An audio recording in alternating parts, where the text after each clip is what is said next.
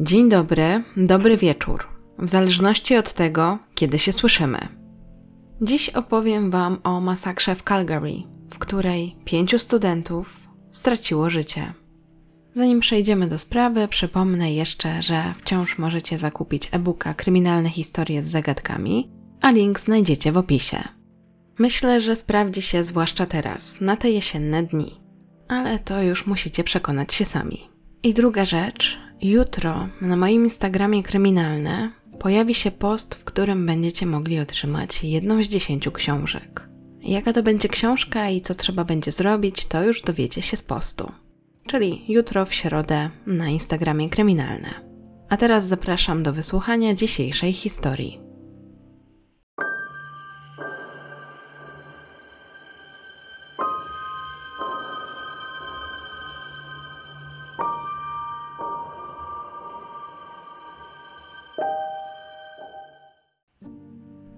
14 kwietnia 2014 roku Matthew de Groot wyszedł wcześniej z pracy. Do kieszeni wsadził czosnek i ruszył na imprezę, na którą wcześniej został zaproszony przez swojego kolegę. Był przekonany o tym, że stoczy dziś ważną walkę w swoim życiu. Zginie on albo inni. W tym czasie właśnie kończyły się zajęcia na Uniwersytecie Calgary i grupa znajomych postanowiła uczcić ten moment. Uznali, że najlepszym pomysłem będzie urządzenie niewielkiego przyjęcia, na którą zaproszą osoby, z którymi się trzymali. Nie wszystkie te osoby uczęszczały na Uniwersytet Calgary, ale przynajmniej kogoś musiały znać z tego uniwersytetu. Impreza miała odbywać się w dwupiętrowym domu, szaro-niebieskim, raczej określanym jako niewielki, w dość spokojnej dzielnicy, sąsiadującej z Brentwood. Tak jak wspomniałam, nie miała to być duża impreza. Większość osób znała się już wcześniej z liceum albo podstawówki. Kilka osób dołączyło do paczki dopiero na uczelni. Wśród nich była 23-letnia Kathleen Perras, tancerka, 27-letni Lawrence Hong, początkujący urbanista, 23-letni Josh Hunter i 21-letni Zach Ratwell, którzy razem grali w zespole. Przy okazji Zespół nazywał się Zakaria and the Propets i w sobotę mieli organizować imprezę z okazji wydania ich pierwszego debiutanckiego albumu. I piątą osobą był 22-letni Jordan Segura. Z tej piątki tylko Josh mieszkał w Pretty's w Albercie, a pozostała czwórka mieszkała w Calgary. I jeśli chodzi o tę imprezę, to w takim najbardziej intensywnym momencie, czyli momencie, kiedy było najwięcej osób, to było ich 25. Przyjęcie trwało w najlepsze. Wszyscy byli zrelaksowani, czuli się dobrze, ale też wszystko było pod kontrolą. Nie wydarzyło się nic, co miałoby kogokolwiek zaniepokoić. W pewnym momencie ktoś przed domem rozpalił ognisko i ekipa się podzieliła. Część ludzi poszła do tego ogniska, a część została w domu. I pewnie wszystko dobrze by się potoczyło, gdyby na tej imprezie nie pojawił się również pewien mężczyzna. 22-letni Matthew de Groot zdecydowanie wyróżniał się z tłumu. Nie był jednak przypadkowym gościem. Został zaproszony przez jednego z mieszkańców domu, w którym miała miejsce impreza Brandana. Znali się od dzieciństwa. Matthew, który również studiował na Uniwersytecie Calgary, planował później uczęszczać do szkoły prawniczej. To, co jeszcze o nim wiemy, to to, co między innymi pojawiło się na Facebooku, czyli że ukończył z wyróżnieniem w czerwcu 2013 roku licencjat z nauk ścisłych. Kierunek to była psychologia łamane na inżynier prawa i społeczeństwo. W tamtym momencie pracował w sklepie spożywczym niedaleko miejsca, w którym odbywała się ta impreza. I ogólnie przez swoje otoczenie był opisywany jako dobry chłopiec, miły i współczujący, ale miesiąc temu coś się wydarzyło, coś się zmieniło i bliscy zaobserwowali w nim zmianę. Nagle zaczął spędzać czas sam, stał się cichy i wycofany. Do tego dodawał bardzo dziwne posty, dziwne jak na niego, takie nietypowe, na Facebooku. Między innymi były tam cytaty z Biblii, były jego rozważania na temat reinkarnacji oraz cytaty z tekstów zespołu Megadeth, jego ostatni wpis został dodany w poniedziałek o 17.39, gdzie zamieścił właśnie fragment jednego z tekstów wspomnianego zespołu. A dokładnie jest to tytuł piosenki Dread and the Fugitive Mind, po którym jest myślnik i The World Needs a Hero, co też jest tytułem albumu, na którym ta piosenka się znajduje. Ale po tym wszystkim, co się później wydarzyło, możemy rozumieć to dwuznacznie. A możemy to przetłumaczyć jako strach i zbiegły umysł. Świat potrzebuje bohatera. Jeśli chodzi o ten dzień, jak on wyglądał u Matthew, to był w pracy. Pracował w sklepie spożywczym Crowfood Safeway. Jest to amerykańska sieć supermarketów, która została założona w 1915 roku. Głównie dostarcza artykuły spożywcze, ale nie tylko, bo też oferuje różnorodne działy specjalistyczne. Można też tam znaleźć jakąś piekarnię, kwieciarnię, aptekę, a nawet kawiarnię typu Starbucks, bo z tego co widziałam, to właśnie Starbucks się z nimi związał. Ogólnie tego dnia Matthew powinien pracować od 14 do 23. I w tym czasie współpracował z jedną osobą, która właśnie później powiedziała, co tego dnia zrobił i że wyszedł wcześniej, co też było zaskakujące. A co takiego Matthew zrobił? Kupił opakowanie główek czosku, i później część wsadził właśnie do kieszeni, a część, jak się później okaże, między innymi do skarpetki. Z tym jego wcześniejszym wyjściem to też była niedogadana sprawa. Po prostu jego współpracownik się zorientował, że ten nagle wyszedł. Właściwie bez słowa. W związku z tym ten współpracownik napisał do niego SMS-a, gdzie on jest, dlaczego właśnie nie jest obecny w pracy. I Matthew odpisał mu bardzo dziwną wiadomość. Później ta wiadomość będzie jednym z dowodów w sądzie w czasie procesu, bo prokurator będzie uważać, że część tej wiadomości jest bardzo znacząca. Na razie nie powiem wam, która, ale może się domyślicie.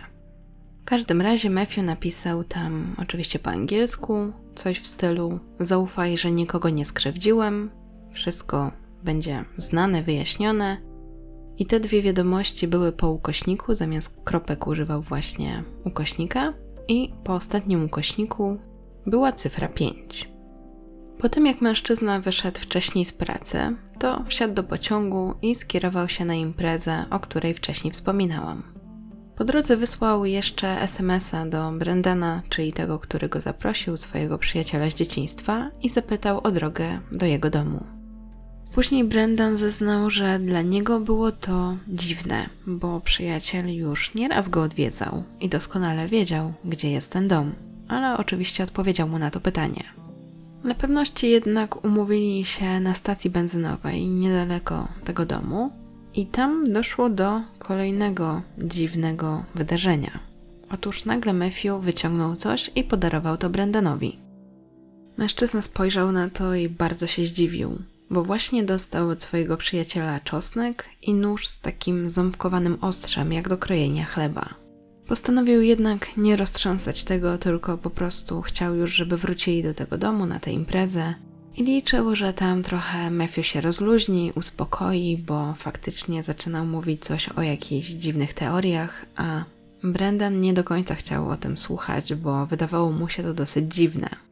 Podczas ich sześciominutowego spaceru do domu mężczyznę, Matthew zdążył właśnie opowiedzieć o ukrytych znaczeniach w tekstach piosenek i nazwał prezydenta USA antychrystem. Brendan nie za bardzo wiedział, skąd w ogóle takie teorie, skąd w ogóle ten temat rozmowy, ale postanowił się nie przejmować tym, co mówi przyjaciel.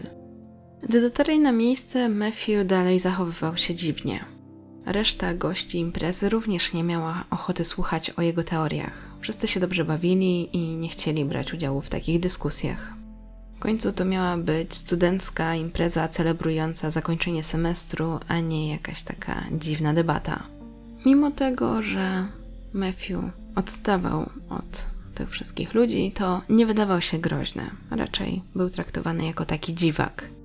Ale z czasem to jego zachowanie zaczęło być coraz bardziej dziwne i niektórzy zaczęli mu się powoli przyglądać. Niestety o tym, że uczestnikom zabawy może coś grozić, dowiedzieli się za późno, gdy Matthew był już w swoim szale. W pewnym momencie, tak zupełnie bez powodu, założył takie niebieskie jednorazowe rękawiczki, określane jako chirurgiczne, i po prostu w nich chodził. Trakcie normalnie się częstował jedzeniem, pił coś, a po wszystkim mył ręce dalej w tych rękawiczkach. Do tego cały czas w kieszeni miał schowany czosnek, o czym większość nie wiedziała. Był to też moment, w którym rozprawiał o krwawym księżycu, apokalipsie i wampirach. Wciąż jednak bardziej sprawiał wrażenie dziwaka, ale nie groźnego.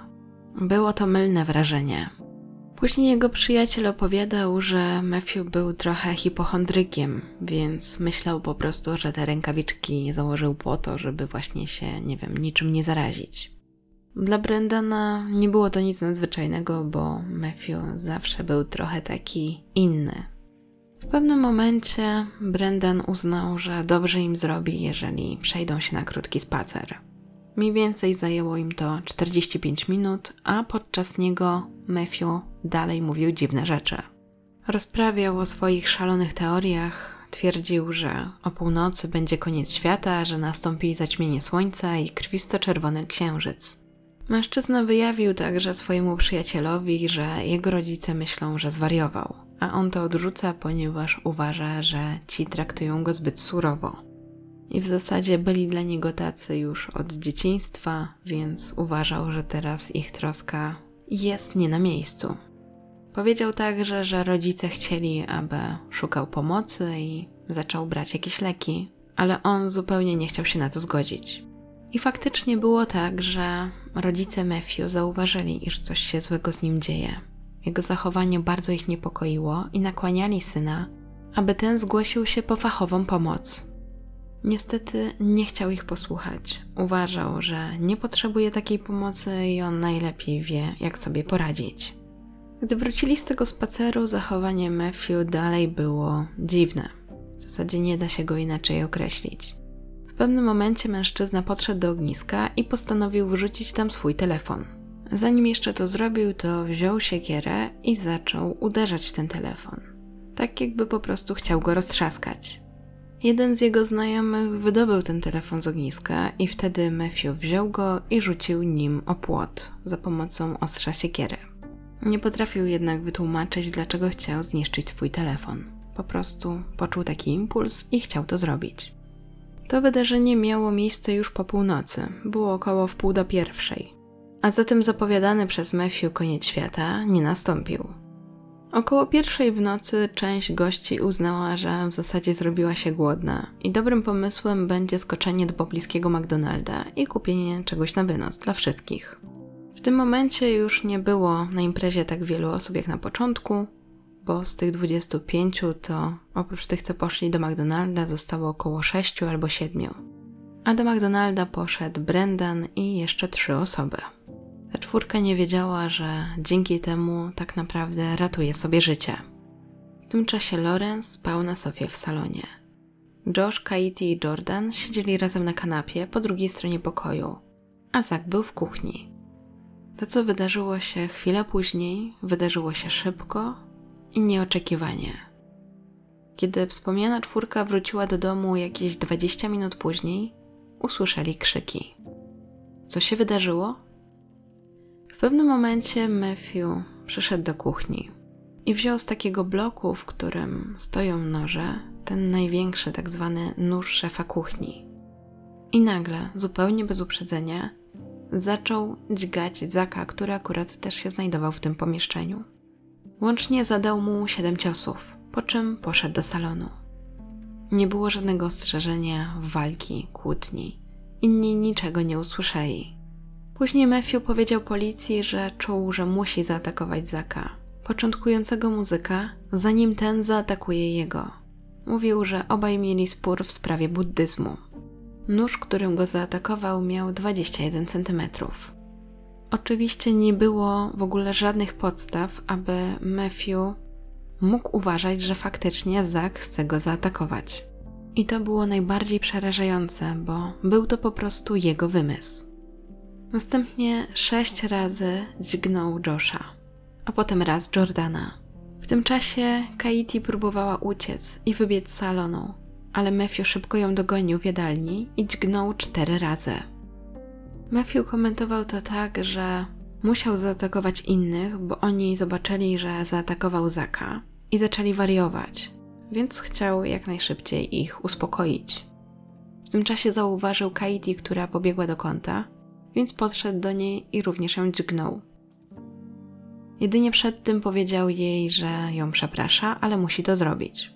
Zorientował się, że jedna z jego ofiar nie zginęła i uznał, że koniecznie musi ją odnaleźć i dokończyć swoje dzieło.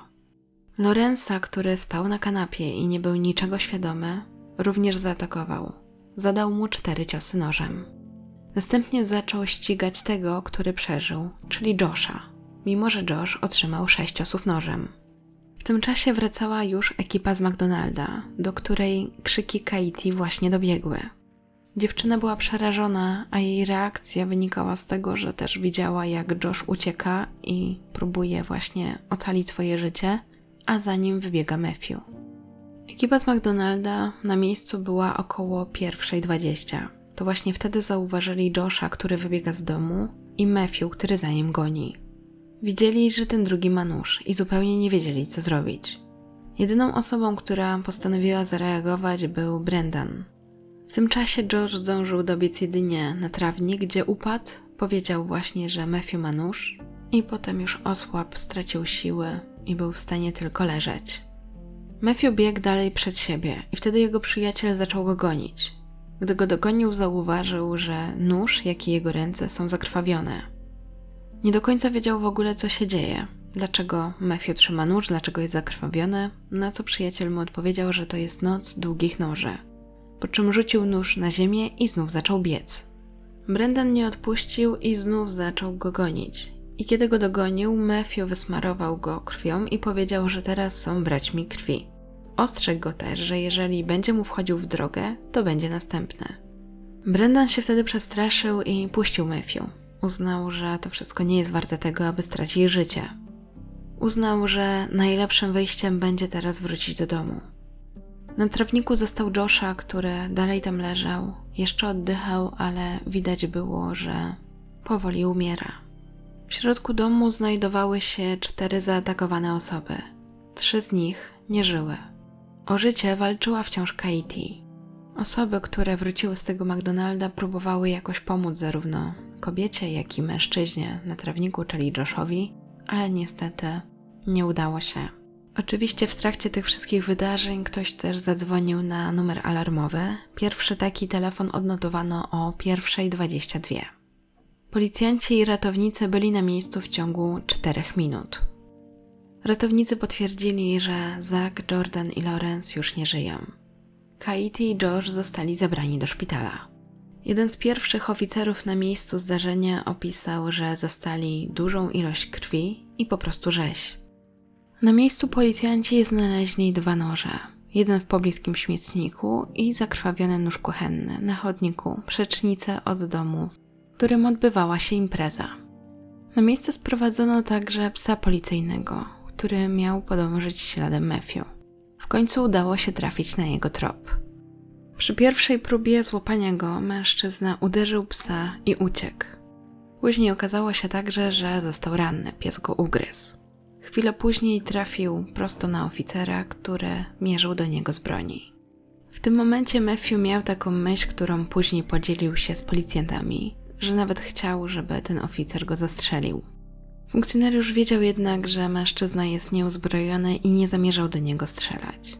Za to ponownie puszczono psa, aby pomógł w jego przechwyceniu.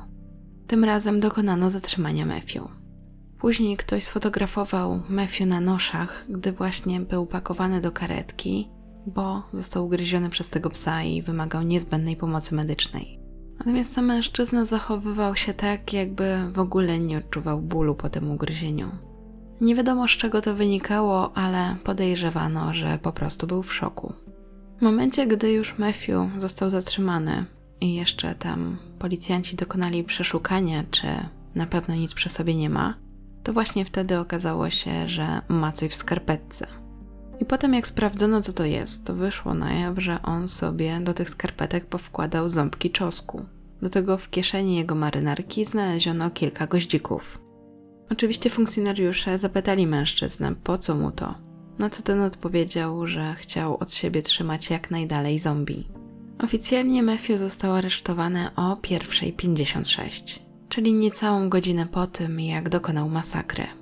Jeśli chodzi o to, dlaczego Matthew chciał, aby policjant go zestrzelił, to wynikało z tego, że on naprawdę wierzył, że zostanie reinkarnowany, więc dla niego to będzie żaden problem.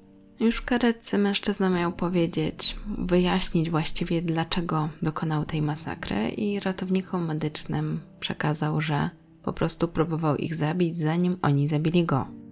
Po wszystkim dodał jeszcze, że przeprasza, ale musiał ich zabić. W trakcie podróży do szpitala miał też twierdzić, że urodził się w inkubatorze i jest kosmitą, a zabijanie ludzi w samoobronie jest sprawiedliwe.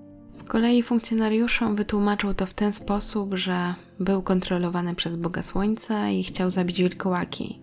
Musiał to zrobić tak szybko, jak tylko potrafił, ale też zależało mu na tym, żeby to było humanitarne. Z tego wynikało, że wierzył, że te osoby, które zabił, to właśnie były wilkołakami, a on tylko ratował swoje życie. Jeszcze większe zdziwienie policjanci przeżyli wtedy, gdy dowiedzieli się, że Matthew jest synem jednego z nich. Gdy trafił do szpitala, był pilnowany przez kilku funkcjonariuszy. Również wtedy się tłumaczył i twierdził, że to była samoobrona.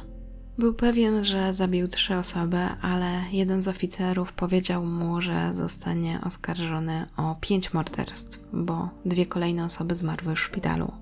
Na co zapytał, czy to nadal będzie morderstwo, jeśli on po prostu chciał się bronić.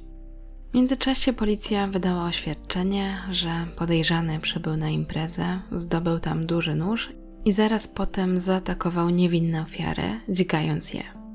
Wcześniej nie miał żadnej kartoteki i wykluczono, że narkotyki albo alkohol miały wpływ na jego działania. Policja podsumowała, że prowadzone jest śledztwo, przesłuchiwani są świadkowie i jak tylko coś będzie ustalone, to wtedy będą mogli przekazać. Głównym świadkiem był tak naprawdę Brendan i to on opisał te wszystkie wydarzenia i to, co się działo po kolei.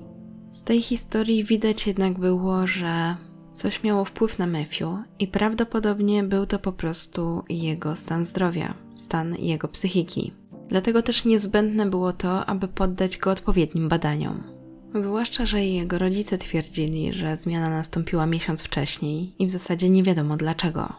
Co jeszcze wiemy o Matthew? Matthew miał wtedy 22 lata. Był synem emerytowanego policjanta, który, który miał dosyć wysoką rangę w trakcie pełnionej służby. Mężczyzna na kilka dni przed tym, jak doszło do zbrodni, rozważał, czy właśnie jakoś nie udać się do sądu, aby skierować syna na przymusowe leczenie. Wynikało to z tego, że on i jego żona byli coraz bardziej zaniepokojeni tym, co dzieje się z ich synem. Wyglądało więc na to, że można było tej tragedii uniknąć. Rodzice mężczyzny współpracowali z policją.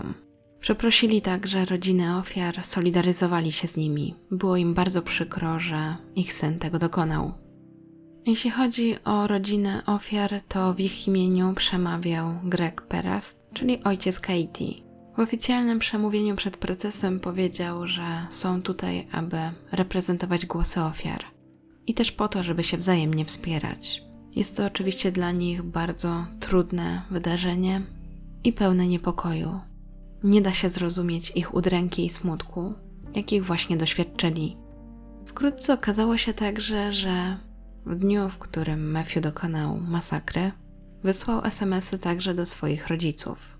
I były one na tyle niepokojące, że ci próbowali go znaleźć. Nie wiedzieli, gdzie on jest tylko że nie sądzili, że dopuści się takiej zbrodni, raczej bali się, że odbierze sobie życie. Po tym właśnie, jak ojciec Matthew otrzymał te SMSy, to od razu wyszedł z domu szukać syna, a jego matka zadzwoniła na policję. Niestety nie byli w stanie go zlokalizować. Matthew był już dorosły, nie musiał im się tłumaczyć, co utrudniało te poszukiwania. Mężczyzna nie mógł sobie wybaczyć, że nie zdążył pomóc synowi i twierdził, że oni również już będą żyli z taką traumą do końca życia. Sami nie rozumieją, dlaczego do tego wszystkiego musiało dojść. Mężczyzna wraz z żoną widział, że jego syn coraz bardziej się w sobie zamyka, ale nie było w tym zachowaniu niczego, co mogłoby sprawić, że oni myśleli, że komukolwiek będzie zagrażał. Raczej obawiali się, że po prostu zagraża sam sobie. Później też pojawiła się informacja, że Był już leczony z powodu problemów ze zdrowiem psychicznym, gdy był w liceum. Mimo tego jego rodzice wierzyli, że oprócz tego, że chłopak się wycofał, zamknął w sobie, to nie wyrządzi nikomu krzywdę. Nigdy też nie był agresywny. W zasadzie chodziło tylko o to, że nie chciał z nimi rozmawiać. Zabrakło dosłownie chwili, aby coś z tym mogli zrobić. Wkrótce miał rozpocząć się proces, natomiast to, co było teraz priorytetowe, to to, aby ustalić, czy Matthew może brać w nim udział, czy właśnie był poczytalny. Kluczowe zeznania w tym momencie pochodziły od współpracownika Matthew i od przyjaciela Matthew. Tak jak wspominałam wcześniej, prokuratura doszukiwała się w tym SMS-ie do współpracownika pewnej wskazówki. Chodziło o tą piątkę na końcu. Prokurator wierzył, że ta liczba była znacząca i symbolizowała liczbę ofiar. A to by oznaczało, że mężczyzna planował te zbrodnie. I pewnie byłby to jeden z głównych dowodów, gdyby nie to, że ostatecznie sąd uznał, że Matthew nie trafi do więzienia. Jeśli chodzi o proces, to ogólnie problem byłby też ze świadkami, bo tak naprawdę nie było nikogo, kto mógłby zeznać na temat tej zbrodni. Bo osoby, które poszły do McDonalda, nie były dosłownie świadkami całej tej zbrodni, raczej już się pojawiły po fakcie. Więc cała ta wersja i kolejność, jak Matthew zabijał dane osoby, została przedstawiona właśnie przez niego. Pytanie brzmiało, czy można wierzyć tej wersji. Matthew twierdził, że takim czynnikiem wyzwalającym była właśnie rozmowa z Zakiem. Rozmawiali wtedy o buddyjskiej filozofii. Zak mówił, że wszyscy umrzemy, więc warto się dobrze bawić, uprawiać seks itd. I Matthew miał wrażenie, że on nie podziela jego poglądów, góruje nad nim i w związku z tym poczuł się zagrożony. Nagle tak zaczął czuć, że Zak zabiera mu przestrzeń i wtedy uznał, że musi zaatakować go pierwszy. Zak wtedy był w kuchni i szykował sobie coś do jedzenia, ale Matthew uznał to za znak, że zaraz go zaatakuje. A ponieważ później wszyscy zaczęli panikować, zachowywać się dziwnie, to uznał, że ich też musi pokonać. Trakcie przesłuchania mężczyzna został zapytany, czy on w ogóle rozumie, że jest oskarżony o to, że zabił pięć osób. Mężczyzna odpowiedział, że on się z tym nie zgadza, ponieważ uważa, że to, co zrobił, było sprawiedliwe i uczciwe. I tak trzeba było postąpić. I oczywiście on rozumie, co to jest zarzut morderstwa i rozumie te zarzuty, które zostały mu postawione, ale on się z tym nie zgadza. On po prostu dźgnął pięć osób. I gdy zjawił się w sądzie, to odczytał swoje oświadczenie, które wcześniej uzgodnił ze swoim adwokatem, i tam również przyznał się tylko do tego, że on zaatakował swoje ofiary nożem. Chciał się jeszcze usprawiedliwić i mówił, że kiedy to robił, to jakby chciał im okazać litość, być właśnie humanitarny i zrobić to jak najszybciej. Dlatego celował w ich serce. Ale to też była ich wina, bo oni niepotrzebnie toczyli z nim walkę. Podkreślił, że nie chciał urządzić takiej makabry, chciał, żeby to właśnie był jeden cios i koniec, ale oni mu w tym przeszkodzili. Dodał jeszcze, że on w ogóle nie lubi zabijać i że przeprasza, ale to syn Boży go wtedy kontrolował. Więc nie wiem, czy też to zauważyliście, ale w zasadzie za każdym razem wskazywał kogoś innego, kto go kontrolował. A do tego też nie wiadomo, przed kim się tak do końca bronił, bo raz mówił o zombie, raz o wampirach, raz o wilkołakach. Z jednej strony mówił o końcu świata, a z drugiej atakował innych, tak jakby chciał właśnie przeżyć, mimo że sądził, że zaraz umrze. Zdecydowanie widać w tym było, że nie jest dobrze z jego psychiką. 22 kwietnia 2014 roku Matthew został poddany 30-dniowej ocenie, aby ustalić, czy może odpowiadać w sądzie za swoje czyny. W tym czasie miał jedynie kontakt ze swoim prawnikiem, który przekazał, że wydaje się być zaniepokojony, ale raczej się trzyma. 22 maja 2014 roku lekarze wydali zgodę na to, aby pojawił się w sądzie i złożył swoje wyjaśnienia. Mimo tego ocena miała być kontynuowana.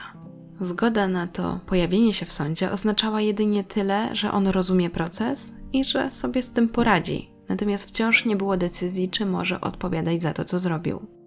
Końcu lekarze wydali opinię, że w czasie, w którym dokonał tych zbrodni, doświadczył epizodu psychotycznego. Matthew rzeczywiście uważał, że jest synem Boga i reinkarnacją Hitlera. Uważał z kolei, że ofiary byli iluminatami, wilkołakami i meduzami. Ostatecznie u mężczyzny zdiagnozowano schizofrenię. Podczas przesłuchania w sądzie również twierdził, że usłyszał męski głos, który, jak on uważał, był szatanem i mówił mu, że ma zabić pięć młodych osób, zanim te zabiją jego. Najtrudniej było więc ustalić, w co faktycznie Matthew wierzył, a co mówił, bo na przykład mogło to być wygodne i wskazywać na to, że coś z nim nie tak. W końcu nie byłby pierwszą osobą, która w ten sposób chciałaby uniknąć więzienia. Ale 25 maja 2016 roku sąd uznał, że przechyla się do opinii psychiatrów i Matthew nie trafi do więzienia. Podkreślono w tym uzasadnieniu, że prawo w takich sytuacjach ma pomagać takiej osobie z zaburzeniami psychicznymi, czyli mają leczyć, a nie właśnie ukarać. W związku z tym został skierowany do zakładu psychiatrycznego bez wskazanego terminu, kiedy miałby wyjść, ale oczywiście z taką możliwością, że może wyjść z tego szpitala. Chociaż ataki miały miejsce poza kampusem, to Uniwersytet Calgary postanowił uczcić pamięć ofiar. Rektor uczelni określiła to wydarzenie jako bezsensowną tragedię, której społeczność straciła część swojej rodziny. 15 kwietnia 2015 roku, czyli rok po tragedii, odbyła się specjalna uroczystość. Przyznano również pośmiertnie Lorenzowi Hongowi dyplom ukończenia uczelni. Dodatkowo dla niego i jeszcze dwóch innych ofiar, Josha i Jordana, ustawiono specjalne takie stypendia, które są przyznawane w dyscyplinach, którymi się zajmowali. Z kolei, jeżeli chodzi o Zaka, on również uzyskał dyplom ukończenia studiów, ale w swojej szkole, czyli Alberta College of Art and Design. Pogrzeby wszystkich ofiar odbyły się w ciągu dwóch tygodni od ich śmierci. Jeśli chodzi o Matthew, to taka rada rewizyjna Alberty, czyli taka instytucja, która decyduje o tym, czy mężczyzna będzie mógł opuścić szpital oraz jaki typ kontroli należy nad nim sprawować, co roku wydaje decyzję w jego sprawie. Najistotniejsze pytanie to to, czy nadal istnieje poważne zagrożenie dla bezpieczeństwa publicznego. I ogólnie problem, można powiedzieć, polega na tym, że to nie Matthew ma udowodnić, że nie stanowi ryzyka, tylko właśnie ta instytucja ma znaleźć dowody na to, że stanowi. I ogólnie są trzy opcje. Można albo kontynuować leczenie w takim bezpiecznym zakładzie, czyli zamkniętym, można udzielić mu zwolnienia warunkowego, czyli opuszcza szpital, ale na jakiś czas, a potem wraca, lub udzielić mu zwolnienia bezwzględnego, czyli już bez powrotu. Sam Matthew już 10 miesięcy po tym, jak trafił do szpitala, poprosił o to, aby zwiększyć mu wolność. Wniosek wtedy nie został rozpatrzony. W następnym roku, czyli 2018, został przeniesiony do innego zakładu w Edmonton. Tam lekarze opisali go jako wzorowego pacjenta i uznano, że nie musi mieć już nadzoru. A to oznaczało, że otrzyma różne przywileje, takie jak to, że może jechać do miasta. Warunkiem było jedynie to, że ktoś z jego bliskich, czyli tak zwana odpowiedzialna osoba dorosła, która jest do niego przypisana, a oboje rodzice jego mają taki status, musi jechać wraz z nim. W tym czasie dostał też zgodę na to, że mógł opuścić szpital na 24 godziny i zostać ze swoją rodziną. W ciągu roku, w wyniku jego wzorowego zachowania, ponownie zwiększono mu jego możliwości, co oznaczało, że może robić jeszcze więcej, bez nadzoru. W tym samym roku odnotowano, że Matthew doświadcza bezsenności i ma zwiększoną aktywność. Wydawało się, że jest to skutkiem tego, że zmieniono mu leki i na nie reaguje. Natomiast były to obserwacje zewnętrzne, bo sam Matthew nie zgłaszał takiego problemu. Kluczowe było też to, że schizofrenii nie da się wyleczyć, można ją jedynie leczyć, więc istotne było i jest to, aby mężczyzna był cały czas na lekach. Wydano też taką opinię, że jeżeli kiedykolwiek przestanie je brać, to w ciągu kilku tygodni lub miesięcy wróci do tej sytuacji z 2014 roku. Podkreślono, że byłaby to sytuacja katastrofalna, tym bardziej jeśli ponownie wszedłby w stan psychotyczny. Jego adwokat wydał taki komunikat, że jego klient chce brać lekarstwa, chce pozostać zdrowy i na pewno nie chce już wrócić tam, gdzie był i zrobić znowu czegoś takiego.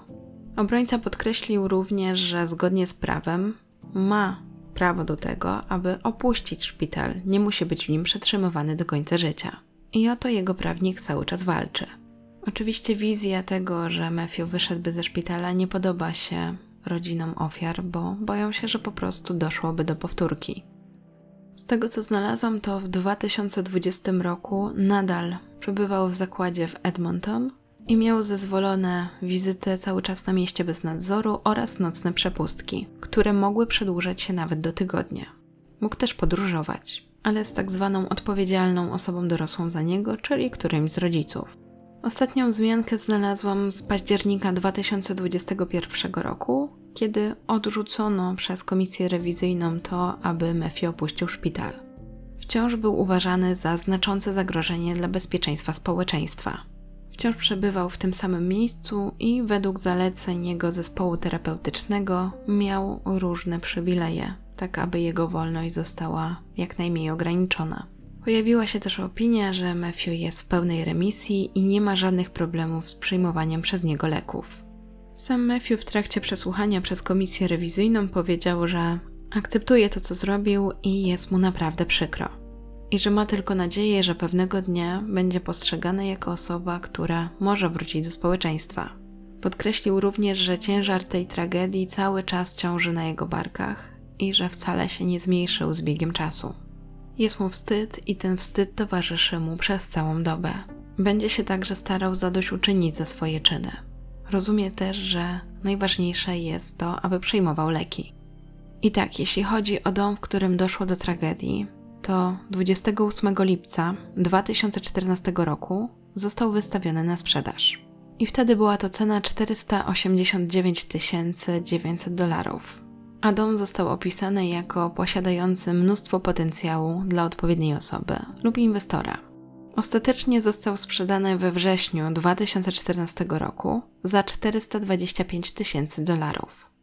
Nowy właściciel powiedział, że kupił dom w celu takiego odkupienia i że jego wiara odegrała rolę w tej decyzji. Jeśli chodzi o społeczność, to pojawiały się naciski, że to właśnie miasto powinno odkupić ten dom. Jeśli chodzi o jeszcze Calgary i miasto, to dla uczczenia pamięci tych ofiar otwarto specjalny park. Dla rodzin zmarłych był to bardzo ważny gest. Ogólnie, aby ten park powstał, zebrano fundusze od różnych darczyńców, łącznie było ich ponad 600 i zebrano 650 tysięcy dolarów. W jego powstanie bardzo aktywnie włączyły się właśnie rodziny ofiar.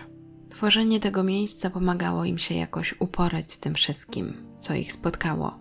I to już wszystkie informacje, jakie znalazłam na temat tej sprawy. Jestem ciekawa, co wy o niej sądzicie i co sądzicie o tym wyroku. Dajcie znać, a ja z góry dziękuję za wszystkie komentarze, subskrypcje, łapki w górę i dobre słowa. Dziękuję także wspierającym mnie na YouTube oraz Patronajcie, a zwłaszcza patronom. Dominice, Jagodzie, Kindze, Przemysławowi, Magdzie, Angelice, Jakubowi, Adzie i Angelice. Naprawdę bardzo, bardzo, bardzo doceniam to, że macie ochotę wspierać moje działania. Tak samo bardzo dziękuję wszystkim, którzy zakupili e-booka i w ten sposób wspierają również moje działania. Mam nadzieję, że na te jesienne dni faktycznie Wam się przyda, skorzystacie i będzie to taka miła chwila dla Was. Będę się też starała, aby teraz odcinki pojawiały się trochę częściej. Mam nadzieję, że już nic mi nie stanie na przeszkodzie, choć cały czas pracuję też nad różnymi projektami. Jeszcze raz dziękuję Wam za wysłuchanie, życzę dobrego dnia, dobranoc, do usłyszenia.